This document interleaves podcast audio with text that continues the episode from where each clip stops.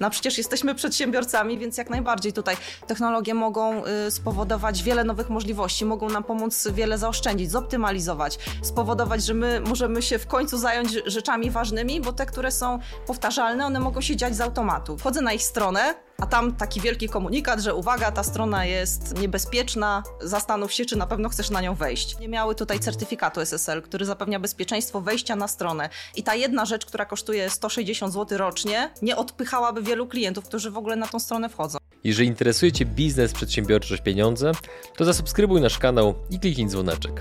Partnerami przygód przedsiębiorców są Święto Kapitalizmu, konferencja dla ludzi z hajsem i brakiem kija w dupie, IBCS Tax, spółki zagraniczne, ochrona majątku, podatki międzynarodowe, Fullbacks, kompleksowa obsługa importu z Chin oraz pomoc na każdym jego etapie, Fit Group, Nowoczesne kamienice gwarancją przyszłości. YouTube dla biznesu. Wejdź na przygody.tv i zobacz, jak wiele mogłaby zyskać Twoja firma dzięki YouTube z naszą pomocą. Linki do partnerów znajdziecie w opisie filmu. Dzień dobry drodzy kapitaliści, Adrian Gorzycki, Przygody Przedsiębiorców.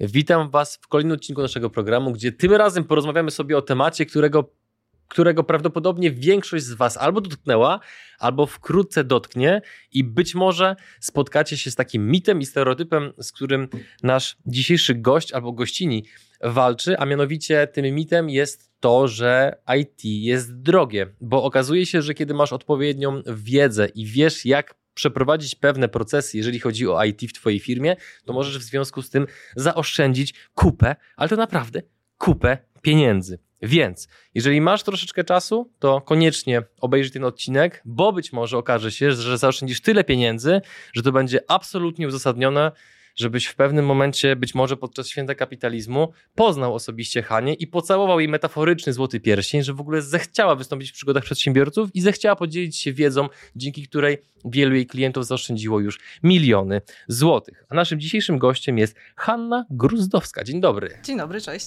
Czy dobrze Cię zapowiedziałem? Świetnie. Ile, ile już klienci zaoszczędzili pieniędzy dzięki tobie? Tak plus minus. Mhm.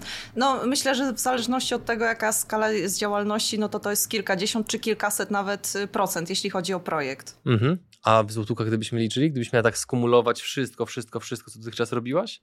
No myślę, że mogły to już być, być miliony, patrząc Aha. na skalę tych projektów. A kim, zapytam tak bardzo pieszczotliwie i delikatnie, kim ty w ogóle jesteś? E, jestem analitykiem biznesowym w branży IT, czyli łączę IT i biznes. To Aha. jest e, też moja pasja, żeby e, było to zestawienie. I bardzo mi się podobało, że zapowiedziałeś tę naszą rozmowę, nie używając słowa analityk biznesowy, bo ja czasami właśnie mam takie doświadczenie, że tłumaczę ludziom, co robię i oni tak, wiesz co, ja, ja ciebie kupuję, ale ja nie rozumiem, co ty robisz. Więc fajnie, że porozmawiamy Aha. też z różnych perspektyw o tym. Mhm. I twoje doświadczenie wynika z czego? Co robiłaś przez minione lata, że jesteś w stanie robić to, co robisz obecnie skutecznie? Mhm.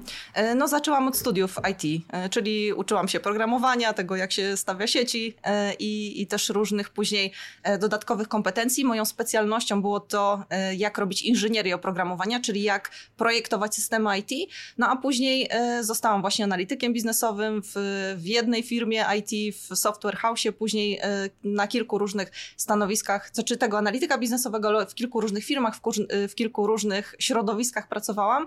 No i to mi dało też taką perspektywę, że mm, potrafię przekładać potrzeby biznesu na to, co powinniśmy umieścić w naszym rozwiązaniu IT. To często było projektowane tak, że później przechodziło do e, implementacji przez programistów, ale te rozwiązania w IT mogą być naprawdę bardzo różne i właśnie to jest taka ścieżka, która jako pierwsza często przychodzi do głowy, czyli albo ktoś ma w głowie coś takiego, jeśli IT, to muszę mieć firmę czy software house, kto mi to zrobi, dokładnie tak jak ja tego chcę. A to nie zawsze jest najlepsza i najbardziej optymalna ścieżka, bo może być tak, że istnieje już jakieś gotowe rozwiązanie, które będzie rzędy wielkości tańsze w ogóle od tego. Więc jaki jest sens w ogóle wchodzić we współpracę z kimś, kto napisze y, to tobie od zera i to będzie o wiele droższe, o wiele bardziej ryzykowne, bo wiele rzeczy się może nie udać po drodze. Mhm. Więc to jest jeden taki schemat, w który wpadamy, a drugi jest taki, o, ktoś ma fajny system, to ja też sobie wdrożę, inny tam znajomy przedsiębiorca już to wdrożył i, i brzmi mhm. fajnie, więc my też to wdrożymy. I to jest y, drugi taki schemat, w który wpadamy, ale znowu on nie zawsze musi być optymalny, bo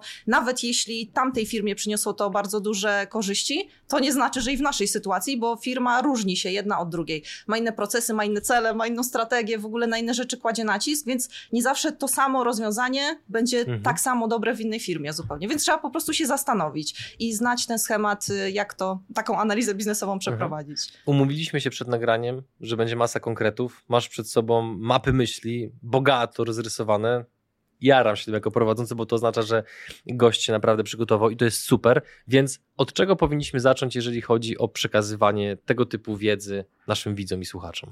No myślę, że powinniśmy zacząć od samego podejścia y, do IT, bo często y, taka pierwsza reakcja, z którą się spotykam, kiedy opowiadam, czym się zajmuję. Y, akurat jakiś czas temu byłam na, na konferencji, gdzie były kobiety, przedsiębiorczynie, no ogólnie takie kobiety nastawione też na to, żeby robić różne nowe rzeczy, żeby wychodzić gdzieś tam do przodu, zakładać swój biznes, ale jednak często ta pierwsza reakcja jest taka, ojeny, ja się tego boję, boję się tego IT w ogóle, ja nie wiem, czym ty się tam zajmujesz, więc taka reakcja pierwsza od razu jest opór, że to nie jest coś dla mnie. No przecież jesteśmy przedsiębiorcami, więc jak najbardziej tutaj technologie mogą y, spowodować wiele nowych możliwości, mogą nam pomóc wiele zaoszczędzić, zoptymalizować, spowodować, że my możemy się w końcu zająć rzeczami ważnymi, bo te, które są powtarzalne, one mogą się dziać z automatu, więc y, to jest jedno, ale nawet y, tutaj na święcie kapitalizmu też z kolei tam było więcej mężczyzn, to też może reakcja była często taka, że to nie jest mój temat zupełnie. Ja mówię, no jesteś przedsiębiorcą, jak to technologia nie jest twoim tematem? Na pewno tu też wiele można by było ugrać, ale dlatego cieszę się, że, że o tym porozmawiamy trochę dłużej, mhm. bo myślę, że odsłonimy różne perspektywy, jak można z tego IT skorzystać w różnych sytuacjach. A to powiedz mi, czy twoja wiedza ma zastosowanie od pewnego poziomu wydatków na IT, czy to nie ma tak naprawdę znaczenia? No bo ktoś może pomyśleć, a jak analityk IT, no to być może e, muszę mieć swoją aplikację albo jakiś swój potężny system ERP, CRM, czy jakieś inne grubsze rzeczy a ja potrzebuję tylko stronę internetową albo tylko sklep internetowy. Wiadomo, ja mówię tylko, ale to może być aż, no bo mhm. dobra strona może kosztować dziesiątki, jak nie setki tysięcy złotych, w zależności od tego, jaki jest poziom skomplikowania tego, czego oczekujemy. Natomiast w którym momencie ty wchodzisz do firmy, w jaki sposób pomagasz, jak to robisz? Mhm. Bardzo dobre pytanie, bo się też zastanawiałam. Często analityk biznesowy, czyli takie stanowisko, się pojawia w firmach, które są gdzieś tam w skali kilkuset pracowników, czy kilku tysięcy i później coraz, wie, coraz większe. Więc im większa firma, tym większe prawdopodobieństwo, że tam jakiś analityk biznesowy jest zatrudniony, ale tak naprawdę to już od pierwszych momentów, kiedy my jesteśmy w biznesie, to już możemy zacząć z tego korzystać. No może nie zatrudnimy sobie analityka biznesowego na cały etat, który będzie siedział i rozwiązywał nasze problemy, ale y, takie przykłady dla zupełnie y, małych przedsiębiorców, takich dopiero rozpoczynających. Na przykład na, na jednym też spotkaniu takim biznesowym y, kobieta opowiada o tym, czym się zajmuje i mówi napiszcie do mnie, adres to moja profesjonalna firma, małpa o2.pl. Mhm. No i czujesz, nie? Że fajniej by było mieć maila, mhm. który się zaczyna, jak który się kończy, jest w domenie twojej firmy. Mnie to nadal szokuje, że przedsiębiorcy nie, albo tego nie kumają, albo celowo to ignorują, że jednak to, w jaki sposób twój e-mail wygląda, no bardzo mocno, nie, za, nie, nie w 100%, ale bardzo często sugeruje, na jakim ty jesteś etapie biznesowym jeszcze jedna y, taka historia dla bardzo no, małych, początkujących przedsiębiorców. Mhm. Tutaj w zasadzie już dziewczyny miały bardziej rozwinięty biznes y, i zaczynały mieć swoich pierwszych klientów, jakieś konsultacje, szkolenia i tak dalej. No i mówię, bardzo fajnie, wchodzę na ich stronę, a tam taki wielki komunikat, że uwaga, ta strona jest y, niebezpieczna, zastanów się, czy na pewno chcesz na nią wejść. No i o co chodziło? No strona bardzo fajna, tylko nie, mieli, y, nie miały tutaj certyfikatu SSL, który zapewnia bezpieczeństwo wejścia na stronę. I ta jedna rzecz, która kosztuje 160 zł rocznie, nie odpychałaby wielu klientów, którzy w ogóle na tą stronę wchodzą. No i to jest bardzo mała rzecz, którą można zmienić, e, ale też taki bardzo fajny przykład był e, mojej znajomej, która e, weszła w, w czasie pandemii w biznes internetowy i naprawdę świetną karierę zrobiła, miała bardzo dużo klientek, no i w pewnym momencie przyjmowanie zapłat i przepisywanie tych klientek tak, żeby one mogły korzystać z jej usług, zajmowało jej tydzień w miesiącu. Czyli przez Dużo tak, ty, miesiąc ma cztery tygodnie i jed, jedną czwartą tego czasu ona przepisywała po prostu klienta tego, który kupił w miejsce, gdzie może korzystać z jej usług i cały tydzień to robiła. Y, CEO, tak, prezes y, tutaj, więc zajmowała się głównie tym i, i, ja mówię, kurczę, czemu ty to robisz? Czemu w taki sposób? Przecież to można zautomatyzować. On mówi, no tak, ale wiesz, zapytałam tutaj firmy i ta firma mi to wyceniła na 50 tysięcy, no a ja nie mam w tej chwili tyle, żeby tyle wystawić. 50 y, tysięcy za to? No wiesz, y, no i właśnie, mhm. to, to jest dobry punkt, bo często kiedy... Znaczy, ja przepraszam, no. że, że, że taka była moja reakcja, ale przez to, że no, moim wspólnikiem jest człowiek o wykształceniu programistycznym, plus nasza firma bardzo mocno jest pozytywnie nastawiona do jakichkolwiek optymalizacji, jeżeli chodzi o IT, no to ja już z doświadczenia wiem, że wiele rzeczy nie musi kosztować jakiegoś kolosalnego majątku, bo to jest bardziej kwestia odpowiedniej wiedzy. Dlatego też cieszę się, że robimy ten odcinek, bo podejrzewam, że na wiele spraw naszym widzom otworzą się oczy dzięki Tobie. I to jest właśnie też y, częsty y, case, częsty przypadek, który się zdarza, bo ludzie idą do, do jakiejś firmy y, IT i opowiadają, co by im było potrzebne. I tu powiedziałabym, że odpowiedzialność jest po obu stronach. No bo z jednej strony przedsiębiorca, który przychodzi, no to się go pytają, a, a czego, czego byś chciał, czy chciała, czego potrzebujesz? No i się tam wodze fantazji y, wypuszczają i każdy mówi, y, jakie tutaj ma wymarzone funkcjonalności, więc zaczyna wymyślać, szyć, jakby to było wspaniale, gdyby ktoś mu to wszystko zapro, y, zaprogramował. Więc jakby to jest jedna rzecz. Zamiast się skupić na tym, co jest faktycznie problemem, co jest celem do osiągnięcia, czyli do brzegu, do, do, do sedna tego, o co chcemy chcemy, co chcemy osiągnąć, no to my mówimy zbyt dużo, więc ten zakres bardzo nam puchnie, a tak naprawdę nie wszystko z tego, czy większość z tego w ogóle nie jest powiązana z tym, dlaczego powinniśmy to robić. I to jest jakby odpowiedzialność po stronie przedsiębiorcy, ale druga e, strona, czyli często też firma IT, no czy one zrobiły coś złego? No wyceniły zakres, o który prosi klient, więc teoretycznie wszystko poszło zgodnie z planem, e, no ale też często e, właśnie po tej drugiej stronie nie ma takich umiejętności czy takich kompetencji tej analizy biznesowej. I tam już y, pomijając, czy tam jest jakiś analityk biznesowy, czy nie, ale po prostu y, firma IT często, skoro słyszy, że ma jakiś zakres dowieść, no to go wycenia. Ale są też takie firmy, które mają te kompetencje po swojej stronie, więc dopytają, jaki ty masz problem, jaki ty masz cel. W związku z tym, jakie powinniśmy mieć funkcjonalności w tym rozwiązaniu, żeby te twoje potrzeby zaspokoić. Jakie masz procesy biznesowe, bo chcemy też poznać, jak działasz, żeby do, dostosować to rozwiązanie. I gdybyśmy takim takim sposobem podeszli, to może ta wycena nie byłaby wcale taka duża, tylko o rzędy wielkości mniejsza. Mhm. Może o kilkadziesiąt procent nawet mniejsza, ale to już jest ogromna różnica. Do tematu software house'ów za chwilę wrócimy, tylko chciałbym jeszcze poznać, jaki był finał historii tej koleżanki z tych 50 tysięcy. Co tam się zadziało na końcu? E, no na końcu y, mieliśmy konsultacje, które były godzinę czy, czy dwie godziny. Y, powiedziałam jej, jak może osiągnąć ten sam cel, ale innym sposobem. No i ten sposób y, kosztował w przeliczeniu jakieś 3000 zł. Można to było nawet zrobić trochę taniej. Ja założyłam, że ona będzie w stanie to sobie sama zrobić, bo to były jakieś takie proste czynności, które wypisane miała w krokach, że wejdź tu, kup to, to połącz z tym i tak dalej. E, ona zdecydowała się jednak, żeby po, e, pomogła tutaj e, wirtualna asystentka, więc kilka tam godzin jeszcze domówiła, żeby tę pracę mhm. wykonać, ale koniec końców myślę, że to się zamknęło w kilku tysiącach, więc te 80-90% zaoszczędziła. Jaki jest powiedzmy taki typowy wynik, który ty osiągasz, kiedy wchodzisz do jakiejś firmy i pomagasz im uzyskać jakieś rozwiązanie IT, to względem pierwotnej wyceny ty jesteś w stanie wygenerować oszczędności na jakim poziomie? No to bardzo zależy od skali. No w takich przypadkach y, to, to może być nawet y, kilkadziesiąt tysięcy. Jeśli mamy jakieś projekty takie y, powiedzmy lepiej przygotowane, bardziej rozłożone, to może być z 20%, ale są też takie przypadki, kiedy można zaoszczędzić kilkaset procent. Czyli mhm. na przykład właśnie w tym przypadku, kiedy bardzo pompujemy zakres i my tam wymyślamy, czego byśmy nie chcieli, ale problem jest tak naprawdę, gdyby do niego zmierzać, to wcale nie jest tak duży i moglibyśmy o wiele mniejszym kosztem to, to zrobić. Tylko trzeba mieć takie myślenie, że my robimy oprogramowanie, żeby rozwiązać problem. Czyli ty de facto jesteś kimś na kształt tłumacza między przedsiębiorcą, który nie do końca kuma IT, a software house'ami, no, które chcą zrobić swoją robotę i próbują jakkolwiek się dopasować do tego, jakie oczekiwania ma klient, który być może czasami nawet niewłaściwie je przekazuje. Myślę, że tak. Y, przez jakiś czas y, my tak właśnie mówiliśmy, analitycy biznesowi o sobie, że my jesteśmy pomiędzy biznesem a IT. Y, czasem była też taka reakcja, że no hej, jak to jesteście tłumaczem, przecież my też potrafimy jako programiści rozmawiać z biznesem. I to jest prawda w wielu mhm. przypadkach, bo jest wiele osób, które mają takie wysokie kompetencje biznesowe, czy jakąś taką świadomość, czy też narzędzia do tego, żeby to zrobić dobrze, czy na przykład mają swoje firmy, jakoś dobrze czują biznes i, i jak to, gdzie te akcenty kłaść, ale w bardzo bardzo wielu przypadkach. Ja myślę, że ten rozdźwięk jest tak duży, że zrozumienie w takim przeciętnym projekcie, kiedy byśmy sobie taki wzięli, to zrozumienie o co chodzi temu biznesowi, czemu my w ogóle to rozwiązanie robimy i zrozumienie tej drugiej strony, co my robimy i czy my robimy dobre rzeczy, to jest tak duży rozdźwięk pomiędzy tymi światami, że, że naprawdę się tutaj po, przydaje pomoc. Podpowiedz proszę, bo e, zakładam, że niektórzy widzowie zgłoszą się osobiście do ciebie, niektórzy będą być może próbowali sami nadal swoich sił w kontaktach właśnie z branżą IT.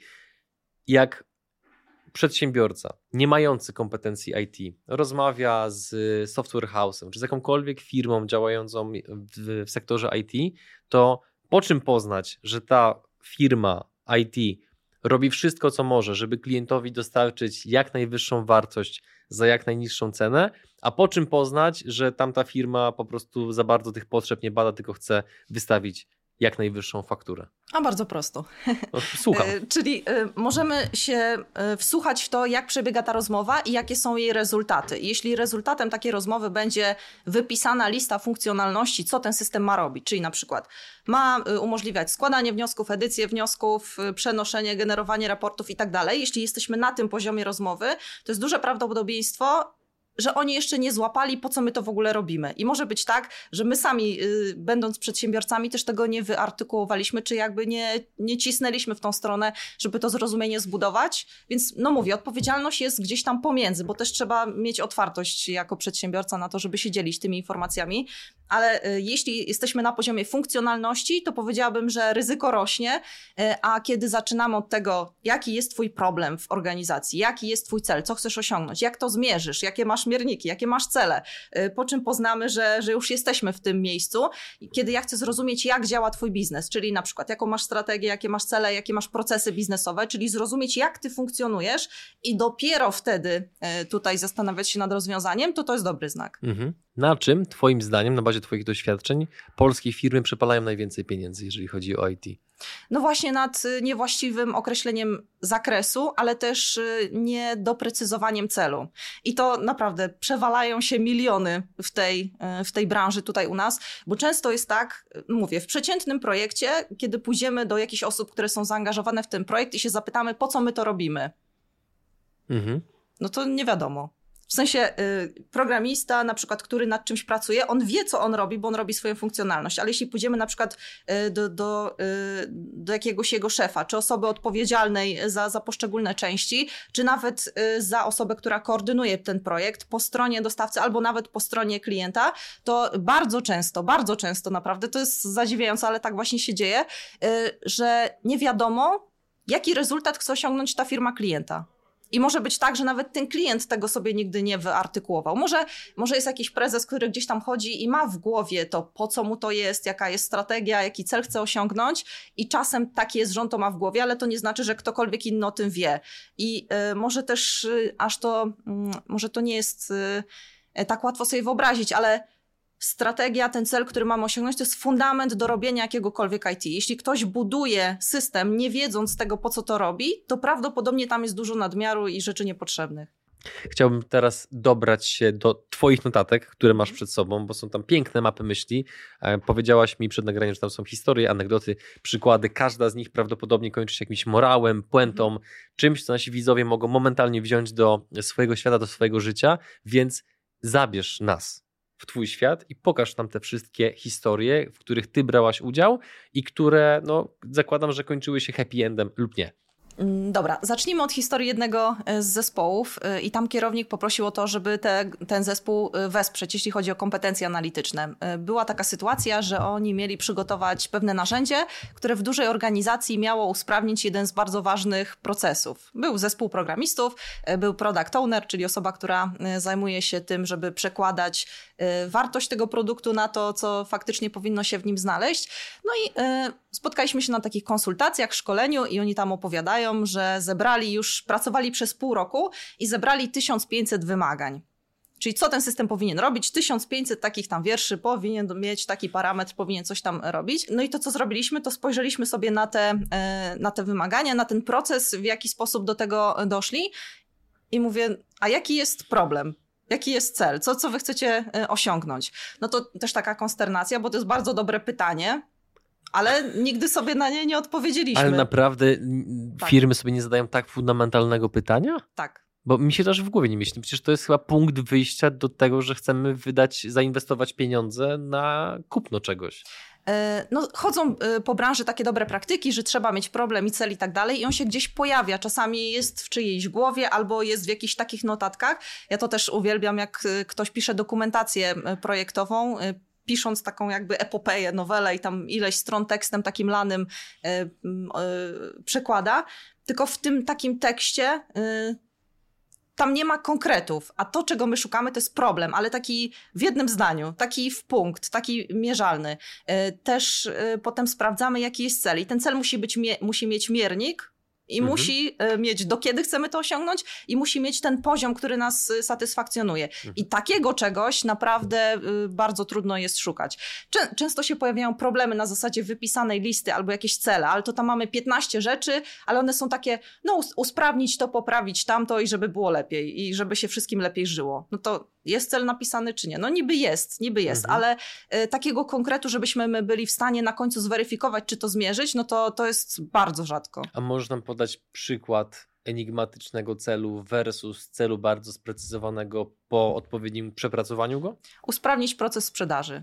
To jest enigmatyczny. No to, no, a po mhm. czym poznamy, no nie? 1%, mhm. 2%, a jeśli na przykład powiemy, że chcemy skrócić y, czas y, przejścia od pojawienia się nowego lida do zawarcia kontraktu o 20% w ciągu jednego roku, to jest konkret. Mhm. I jesteśmy okay. w stanie stwierdzić na końcu tego roku, czy to osiągnęliśmy, czy nie. Mhm. Jaki był finał tej historii, gdzie było te 1500 wymagań? Po kolei przeszliśmy. Jak powinien wyglądać taki prawidłowo przeprowadzony proces y, analizy? Czyli określamy problem, określamy cel, który chcemy osiągnąć, robimy analizę interesariuszy. I to jest też ogromne wyzwanie w firmach, szczególnie w tych większych. Myślę, że w każdej, w każdej skali, ale w tych większych też.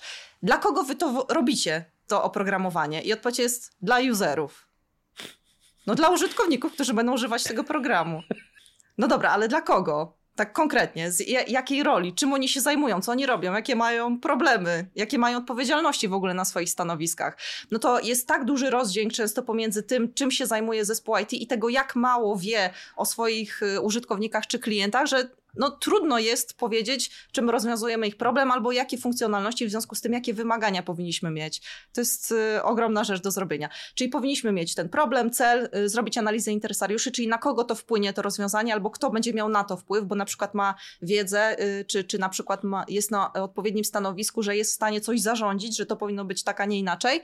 No później też robimy, co jest bardzo y, ważne, uzasadnienie biznesowe. Czyli zastanawiamy się, no dobra, no to jakie mamy w ogóle opcje? Opcja jest taka, że piszemy y, ten system samodzielnie. Druga opcja jest taka, że na przykład kupujemy coś, co jest gotowego na rynku.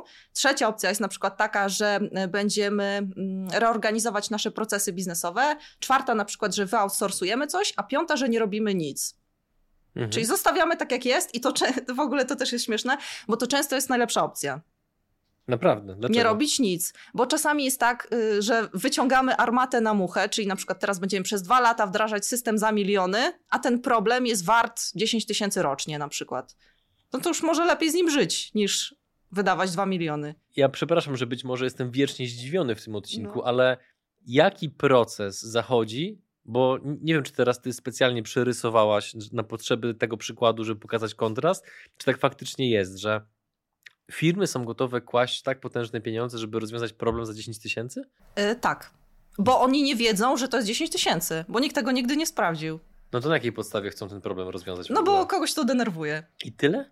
No na przykład prezesa to denerwuje, dyrektora to denerwuje, albo y, prezes myśli sobie, że ten drugi prezes też wdrożył jakiś fajny system, więc może też powinniśmy, to będzie fajnie. No i ten zespół po tym, kiedy przełożyliśmy sobie te wszystkie elementy, które powinny być tak. zrobione, tak. oni po tych dwóch dniach usiedli i powiedzieli, zmarnowaliśmy pół roku naszej pracy. że powinniśmy to zrobić zupełnie inaczej. Ale teraz zobacz, zespół IT no, y, y, mhm. IT jest znane z tego, że dużo się zarabia y, jako, jako programista. Kiedy zbierzemy nie jednego programistę, tylko cały zespół programistów, jeszcze kogoś, kto tym zarządza, koordynuje, wspiera i tak dalej, no to nam się robią kwoty rzędu pół roku. No przeliczmy tam sobie, że, że to jest 15 tysięcy zarobków miesięcznych razy 8 osób, taki zespół. To jest jeden zespół, no i to mamy 720 tysięcy. Pół roku takiego zespołu. A Ogólnie y, projekty IT są dużej skali, więc jeśli ktoś y, pracuje nad projektem jedn, w jednym zespole, to to jest raczej mały projekt. Więc 720 tysięcy pół roku, to jest półroczna praca. Gdybyśmy zrobili taką analizę, na przykład jedna osoba by popracowała, albo ten zespół by popracował w taki bardziej zorganizowany sposób i spędził na tym miesiąc, y, no to niektórzy myślą, ojej, to co ja teraz miesiąc będę robić, nie wiem, jakieś myślenie, opracowywanie, zamiast tutaj siadać i kodować, no to to jest strata czasu, ale mamy te pół roku zmarnowane, 720 tysięcy, jakbyśmy popracowali nad tym przez miesiąc w taki bardziej zorganizowany sposób, no to by było jakieś 120 tysięcy, no to mamy 600 tysięcy zaoszczędzone. Jak tak słucham tego, co mówisz, tak sobie myślę, czy w ogóle słowo analityk jest słowem poprawnym nie w rozumieniu, że to słowo faktycznie określa, kim ty jesteś, bądź kim wy jesteście, jeżeli chodzi o waszą branżę, tylko czy ono jest poprawne pod kątem tego, co rozumie ostateczny klient. A jak byś to nazwał? Usługi. Kontroler kosztów IT. Kontroler kosztów tak. IT. No bo analityk, z czym ci się kojarzy analityk? Jak, jak ja słyszę słowo analityk, to widzę ekrany, wykresy i tego typu rzeczy, a nie kogoś, kto wchodzi i mówi wydanie pół bańki jest bez sensu, możemy wydać 50 tysięcy. Y, może doradca, konsultant, biegły rewident ID, no nie, już teraz oczywiście szyję i żartuję, ale jakby tak mi po prostu naszło teraz, że yy, albo nawet ktoś na kształt konsjerża IT, no bo to jest, to jest, to jest to, co ty teraz mówisz, to jest niesamowite i ja mam wrażenie, że od pewnego pułapu do tego typu doradztwa to potrzebuje prawdopodobnie każda firma, która jakkolwiek jest online, online'owa. No polecam. Czy spotkałaś się już z czymś takim, bo ja to przerabiałem z kilkoma takimi osobami, które były kimś na kształt, powiedzmy, patrząc bardzo szeroko, konsultantów, którzy wchodzili i starali się pomóc zoptymalizować obszar w różnych firmach. No bo im większa firma, tym więcej grup interesów, tym więcej osób, które często korzystają na obecnym stanie rzeczy. No a nagle wchodzisz ty, no i mówisz jednemu czy drugiemu prezesowi, że te 720 tysięcy za te pół roku pracy tego zespołu to są pieniądze wyrzucone w błoto, co w przypadku osób nieco bardziej impulsywnych może wywołać bardzo żywiołową i szybką reakcję. Więc czy nie jest tak, że w niektórych firmach twoja rola jest deprecjonowana, podważana, sabotowana, ponieważ niektórzy ludzie nie chcą, żebyś odkryła przed zarządem pewną prawdę? E, to, co mówisz, to się pojawia e, w różnych sytuacjach i w różnych skalach. I to też jest bardzo, e, bardzo częsta sytuacja, kiedy robimy projekt IT, który zahacza o wiele różnych działów firmy, to że mamy takie obozy, że na przykład dyrektor tego działu to by chciał w lewo, a dyrektor tamtego działu w prawo. I teraz oni się ścierają gdzieś tam między sobą i każdy chce postawić na swoim. I, i to jest jedna z takich rzeczy, która się często pojawia. Czyli kiedy pozyskujemy te, te informacje, które potem przekładamy na wymagania, wymagania, no to y, bardzo nam trudno jest ustalić to, co tak naprawdę my mamy zrobić, bo każdy ze swojej strony mówi coś innego.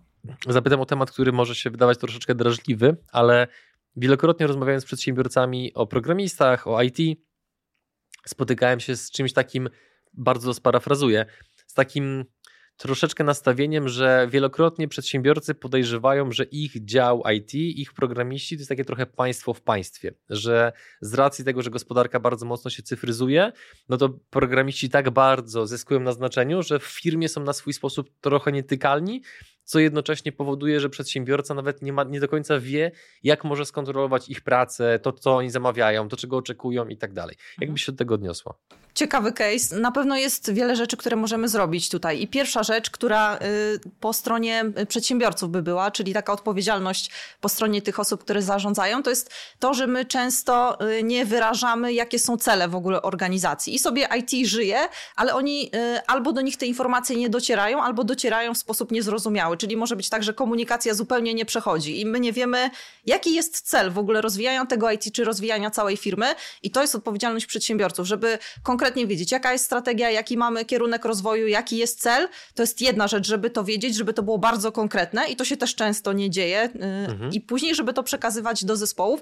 I dopiero wtedy, kiedy my to mamy już na pewno odhaczone, że wiadomo, jaki, jaki jest cel do osiągnięcia i wiadomo, jak to przełożyć dalej na funkcjonowanie firmy, czyli wdrażanie strategii, to dopiero wtedy tutaj zaczyna się ta strona, że IT może wykonać swoją pracę jeszcze lepiej, czyli na przykład zaproponować rozwiązanie, które będzie bardziej wspierało firmę. A w momencie, kiedy mm, jest biała kartka albo jakaś ściana komunikacyjna i my w zasadzie nie wiemy, do czego ta firma dąży. My tam sobie żyjemy z miesiąca na miesiąc, z roku na rok, dzieją się jakieś projekty, ale nie wiemy, co ta firma chce osiągnąć, no to IT też trudno jest zaproponować coś, co będzie lepsze. I na przykład, no to wychodzą e, z propozycjami na zasadzie wyszła nowa technologia, powinniśmy się e, przenieść z naszymi rozwiązaniami w jakieś nowe miejsca, bo to jest fajne i to nas ciągnie, a nie mamy żadnych wytycznych, że e, lepiej tutaj na, na czymś oszczędźmy albo idźmy z inno, innowacjami w jakimś kierunku, no to oni proponują najlepsze rozwiązanie, jakie widzą, na cel, który może nie, nie został postawiony, który oni sobie interpretują,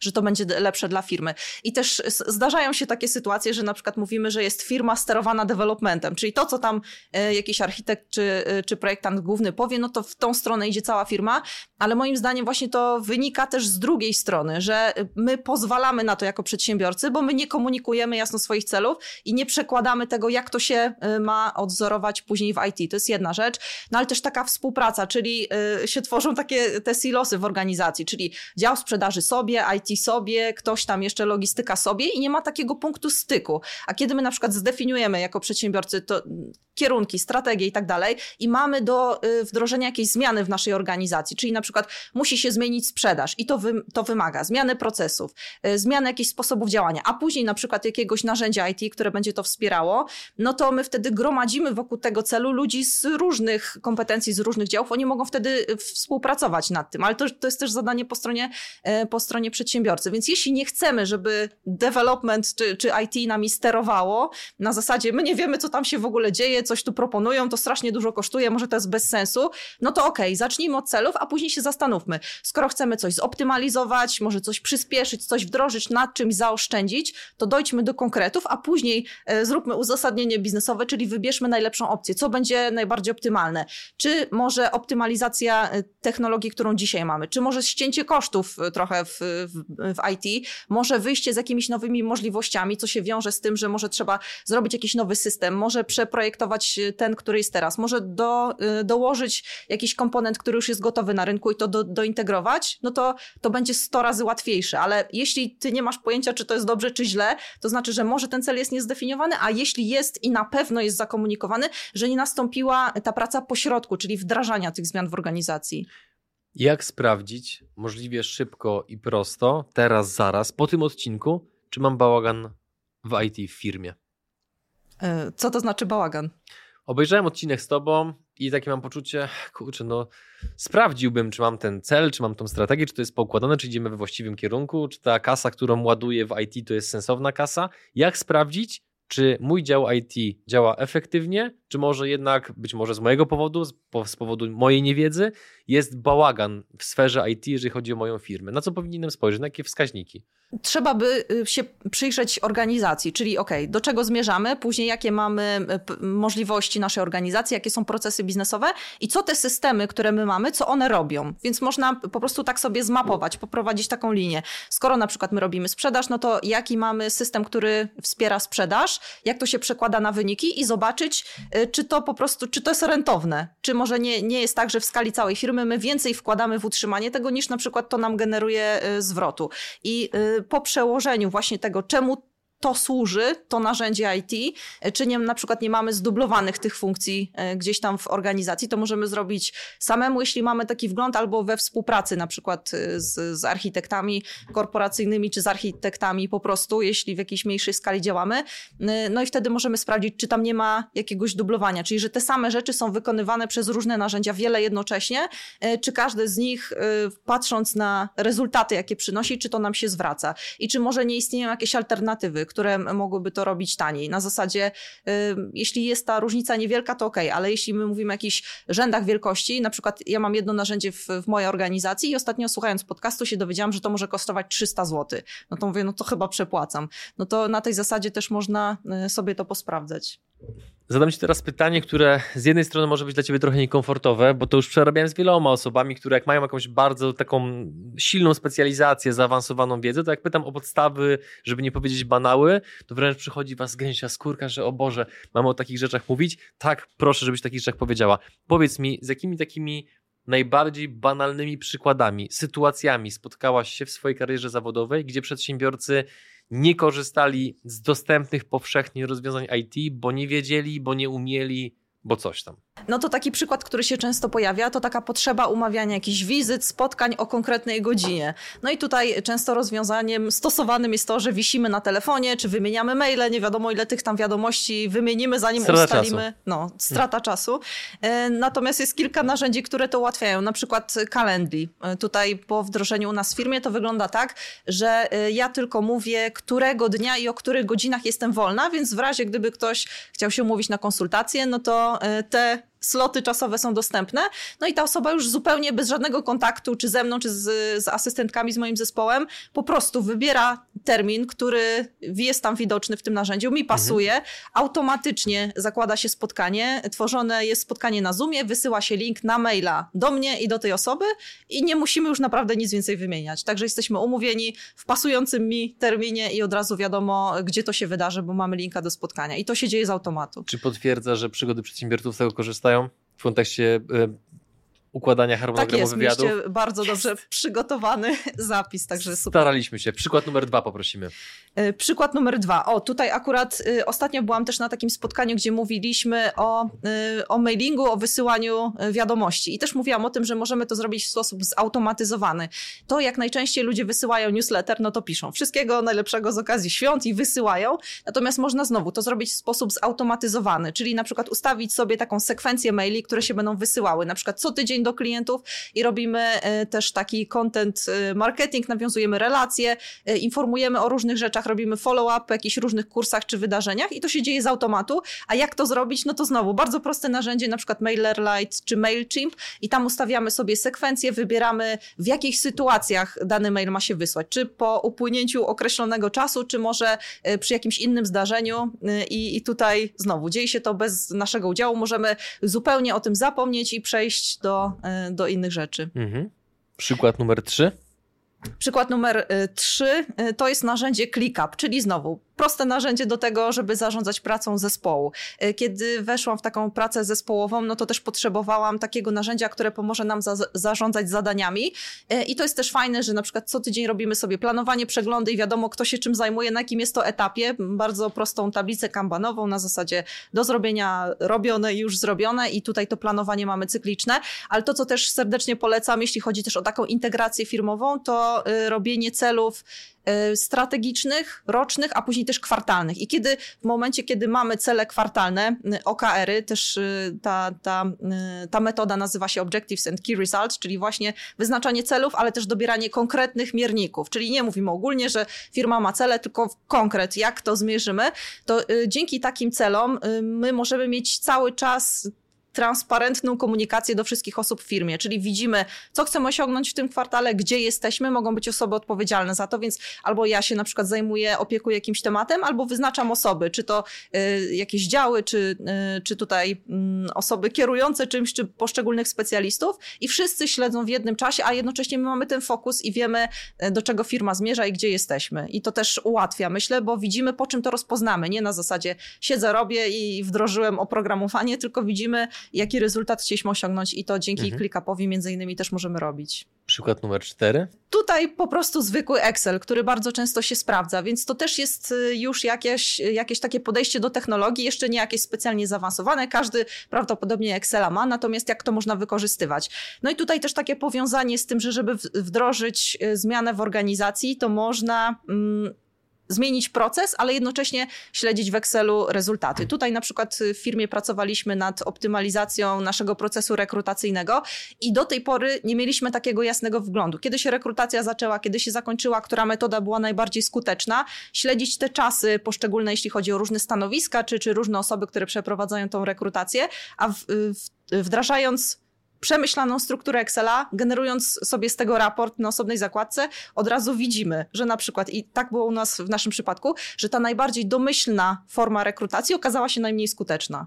Zajmowała nam y, miesiąc, półtora miesiąca dłużej niż inne metody, które stosowaliśmy. I gdybyśmy tego nie zrobili, to byśmy się nigdy tego nie dowiedzieli, a to wszystko dzięki połączeniu procesu y, regularnych spotkań, ale też y, tego Excela, który po prostu pozwolił nam to śledzić. Myślę, że jeszcze jedna rzecz, która się przyda. Proszę. Tutaj po, po konsultacjach z Wojtkiem Ploną, te wszystkie jego rady starałam się odwzorować w, też w Excelu, czyli zamiast co miesiąc zastanawiać się, ile mi pieniędzy starczy na to, żeby opłacić wszystkie podatki, czy ja mogę wejść w daną inwestycję, czy, czy nie, czy powinnam jeszcze te pieniądze trzymać, no to bardzo prosty Excel, który zaciąga wyeksportowany plik z mojego systemu księgowego, czyli w jednym miejscu trzymam wszystkie koszty, w drugim miejscu e, trzymam e, wszystkie przychody, z, y, znowu łączę te informacje w Excelu i dzięki temu wiem, ile pieniędzy y, powinnam mieć jeszcze na podatki za chwilę, ile mogę przeznaczyć na inwestycje, y, a ile też można wypłacić sobie. Reasumując, drodzy widzowie, słuchacze, zachęcamy Was do tego, żebyście kwestionowali poniekąd to, co robicie, albo to, jak to robicie obecnie, bo być może można to zrobić taniej, szybciej, prościej, po prostu używając narzędzi IT. I w tym momencie muszę zapytać o to, gdzie jeżeli nasi widzowie będą chcieli się z Tobą skontaktować, żeby sprawdzić, czy mogą zaoszczędzić pieniądze na IT, dużo, mało, prawdopodobnie dużo, to w jaki sposób mogą się z Tobą skontaktować, gdzie mogą Cię szukać. Proszę dokładnie podaj te dane, żeby też naszym słuchaczom na podcastach ułatwić zadanie. Mhm. E, no to zapraszam na stronę analiza.it.pl i tam e, będzie opcja darmowych konsultacji. Super. I w tym momencie stawiamy kropkę. Dziękuję Ci bardzo za rozmowę. Przede wszystkim od, dziękuję za to, że o rzeczach trudnych masz umiejętność, że potrafisz zrozumieć tak, że nawet osoba o niezbyt rozbudowanych kompetencjach IT jak ja doskonale wszystko rozumie. Dziękuję Ci, Haniu, za rozmowę. Dzięki serdecznie.